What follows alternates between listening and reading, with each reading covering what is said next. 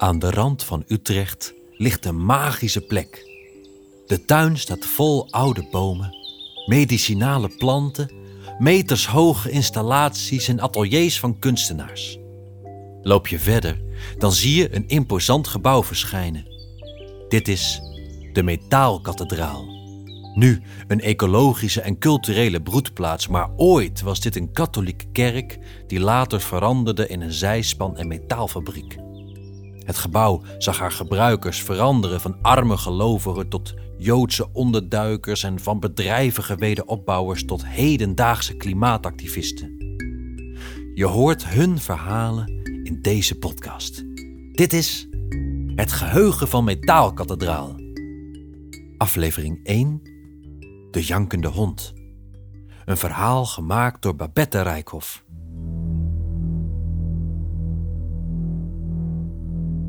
Morgens om zes uur werden we wakker van het geronk van vliegtuigen, laagvliegende vliegtuigen. Geen idee wat daar aan de hand was als kind natuurlijk van zeven jaar. In de vroege morgen van vrijdag 10 mei 1940 vallen Duitse troepen Nederland binnen. Duitse bommenwerpers razen over Utrecht heen onderweg naar Rotterdam. Annie Barte, nu 87 jaar, toen 7, woont in de Meren. Een plaats ten westen van Utrecht, die toen nog was omringd door weilanden. Ze woont met haar ouders, broertje en oma in een huis. Vanwege ruimtegebrek slaapt ze met haar oma in een bed. Samen schrikken ze wakker van een onheilspellend geluid. Nou, toen zijn we de bed uitgegaan. We hebben naar vliegtuigen staan kijken. En dat geraas gehoord. Maar ja, als kind van zeven jaar helemaal geen idee. Wat doen die vliegtuigen daar in die lucht? En eh, toen werd het ook weer rustiger. En ik weet nog wel dat volgens mij om tien uur de uitvaart was van pastoor Wezenberg. Volgens mij. Of was Boelenster toen al? En we zijn gewoon naar de kerk gegaan. Voordat ze vertrekt, krijgt ze een boterham en een glas melk. En ik kreeg elke morgen een glas melk met een geklopt ei. Want ik was een zwak meisje. Was ik ook hoor. Ik was een heel teer poppetje. Poppetje doet het nog steeds. En eh, nou, toen ben ik gaan lopen. En ik weet nog dat ik dus... Ik moest iets, ik geloof, de linten vasthouden van de kist. Want ik moest mijn haar mooi en ik had lang, uh, rood haar. En dan draaide mijn moeder wat ze noemde paviljotten in. Het waren van die dingen. En die moesten erin blijven tot ik daar was. Want naast de kerk zat het café van Van Beek, als ik het me goed herinner. En daar moest ik heen. En dan kwam mijn moeder daar en die haalde die stukken stof uit mijn haar. En dan werd het opgekamd. En dan had ik een leuk krullenkoppie. En toen zaten wij daar in die kerk, dat weet ik nog heel goed. En toen hoorde je ook weer alsmaar die vliegtuigen gaan. Tot op een gegeven moment ik heel lang heb gedacht dat er een bom was gegooid achter de kerk.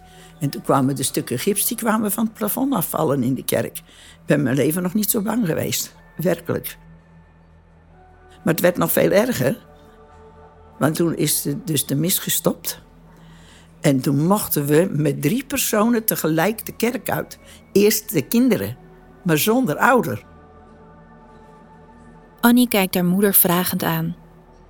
Moet ze echt zonder haar naar huis? Maar mama die zei van, ga jij nou maar met Annie en met Min mee? Gaan jullie nou maar? Ik kom zo op de fiets. Want zij mocht niet mee eruit. Ja, en dan kun je buiten voor de kerkdeur blijven staan, maar wat gebeurt er dan? Dan komt daar weer een oploop van mensen en dat mocht niet. Zodoende zijn de meisjes met z'n drieën de kerk uitgelopen. En ja, werden dus aangemaand uh, om eerst bij Van Beek je jas op te halen en uh, jas aan te trekken en dan naar huis te gaan lopen. Naar huis te gaan. En uh, wij zijn met z'n drieën gaan lopen. Maar iedere keer die vliegtuigen over je heen. Dus je stond doodsangst uit. En uh, toen ben ik met hun helemaal daar naar de Oranjelaan gelopen, zeg maar.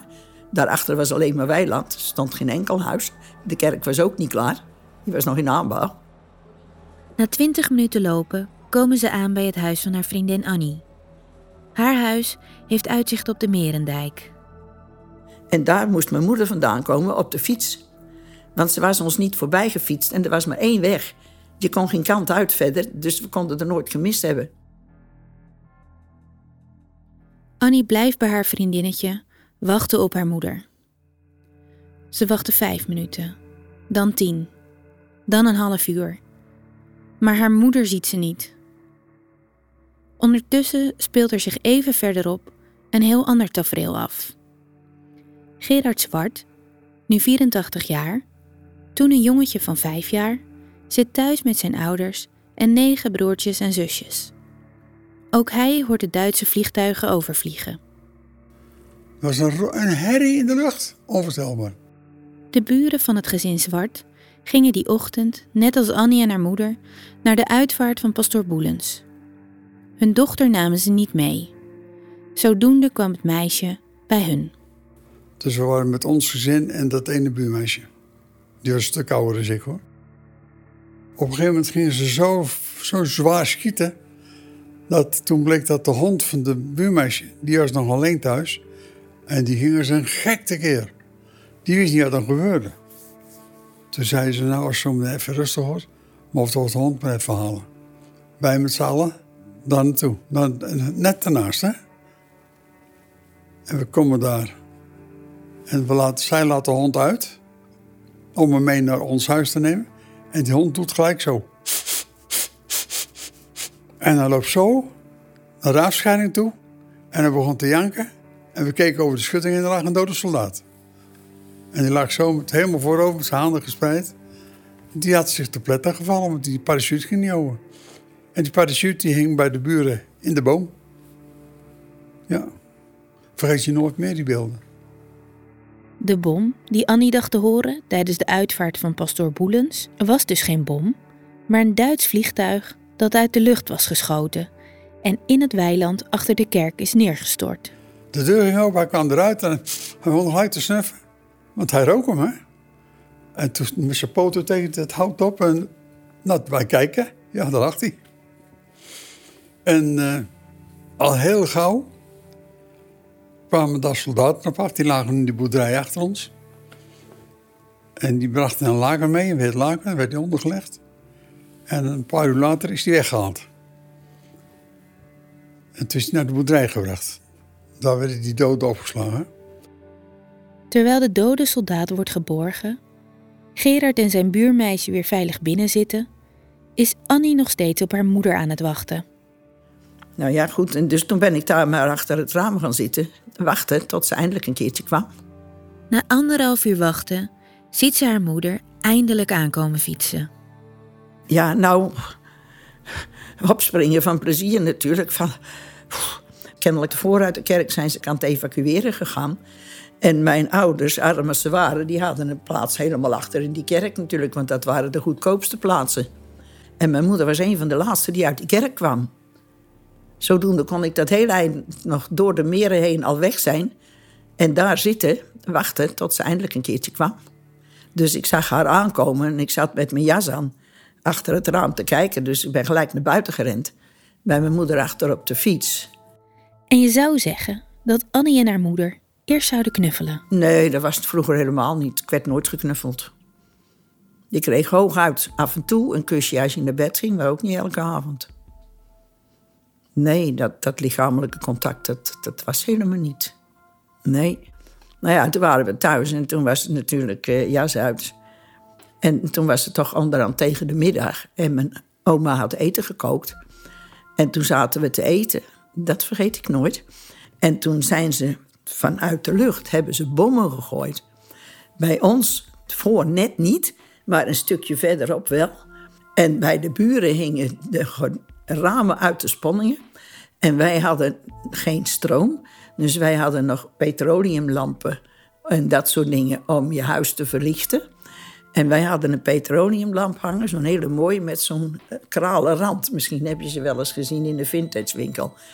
En dat plafond heeft zo geschud dat de koordjes gebroken zijn en verschillende uh, naar beneden gevallen. En we hadden net ons toetje opgeschept en dat heette dan havermoutse pap. En de kranen lagen op mijn bord in de pap. Dat vergeet je ook nooit. Die waren gewoon naar beneden, huppakee, de pap ingeduveld. Ondanks dat de oorlog was begonnen, bleven de kinderen de volgende dag niet thuis. Nee, gingen naar school. Ja, dat ging allemaal gewoon door. En op school moest je natuurlijk uh, dat hele verhaal nog weer vertellen, want ze hadden dat wel gehoord dat er wat gebeurd was. Ja, er zijn ook mensen wezen kijken toen. Ik kon precies aangeven waar die, waar die lag. En waar de parasieten, want dat, die, waar die parasieten toen in de boom hing, die boom is er niet meer. De tuin is helemaal veranderd. Ik weet zelfs nog wat voor een perenboom het was. Het was een, een, een. Dat is een stoofpeer. En die, uh, die, daar ging die zo in. En mijn broer die ging de andere dag nog eens even kijken, want zijn knie afdrukken, kon je nog zien waar die gevallen was. In, in het gras. En toen vond hij het horloge van die piloot. En dat heeft hij uh, gehouden. dat heeft hij gehouden, ja. Ja. Gek, ik vergeet veel dingen. En dit vergeet je niet. Ja. En toen we naar school gingen, was ons wel gezegd... als er zo luchtgevecht is... dan moet je plat in het graskant gaan liggen. Dat je zelf een stuk kleiner wordt, hè. Dat hebben we een paar keer gedaan, ja. ja. En ik heb dat dus meegemaakt als jongen van zes jaar. En als ik nou door de televisie kijk, wat er dan in de wereld gebeurt, dan zeg ik, wat zitten wij in een rijk land? Dat is onvoorstelbaar. Goh. Meneer Zwart zegt dat hij nooit echt bang is geweest in de oorlog. Bij Annie was dat heel anders. Zelf zegt ze dat dit alles te maken had met haar Duitse moeder. S'avonds en s'nachts hoorde je heel vaak, heel hoog, vliegtuigen overgaan. En die gingen dan in Duitsland steden bombarderen. En dan was mijn moeder helemaal in paniek. Dan gaan ze weer, gaan ze mijn familie weer vermoorden die er niks aan kan doen.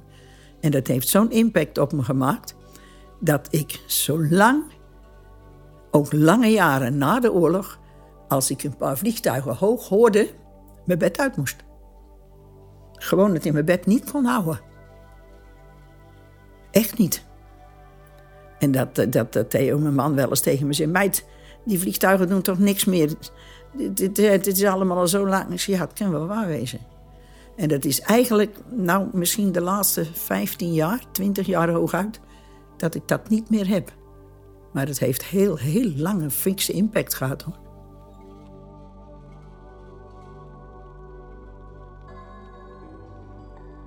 Dit was het geheugen van Metaalkathedraal.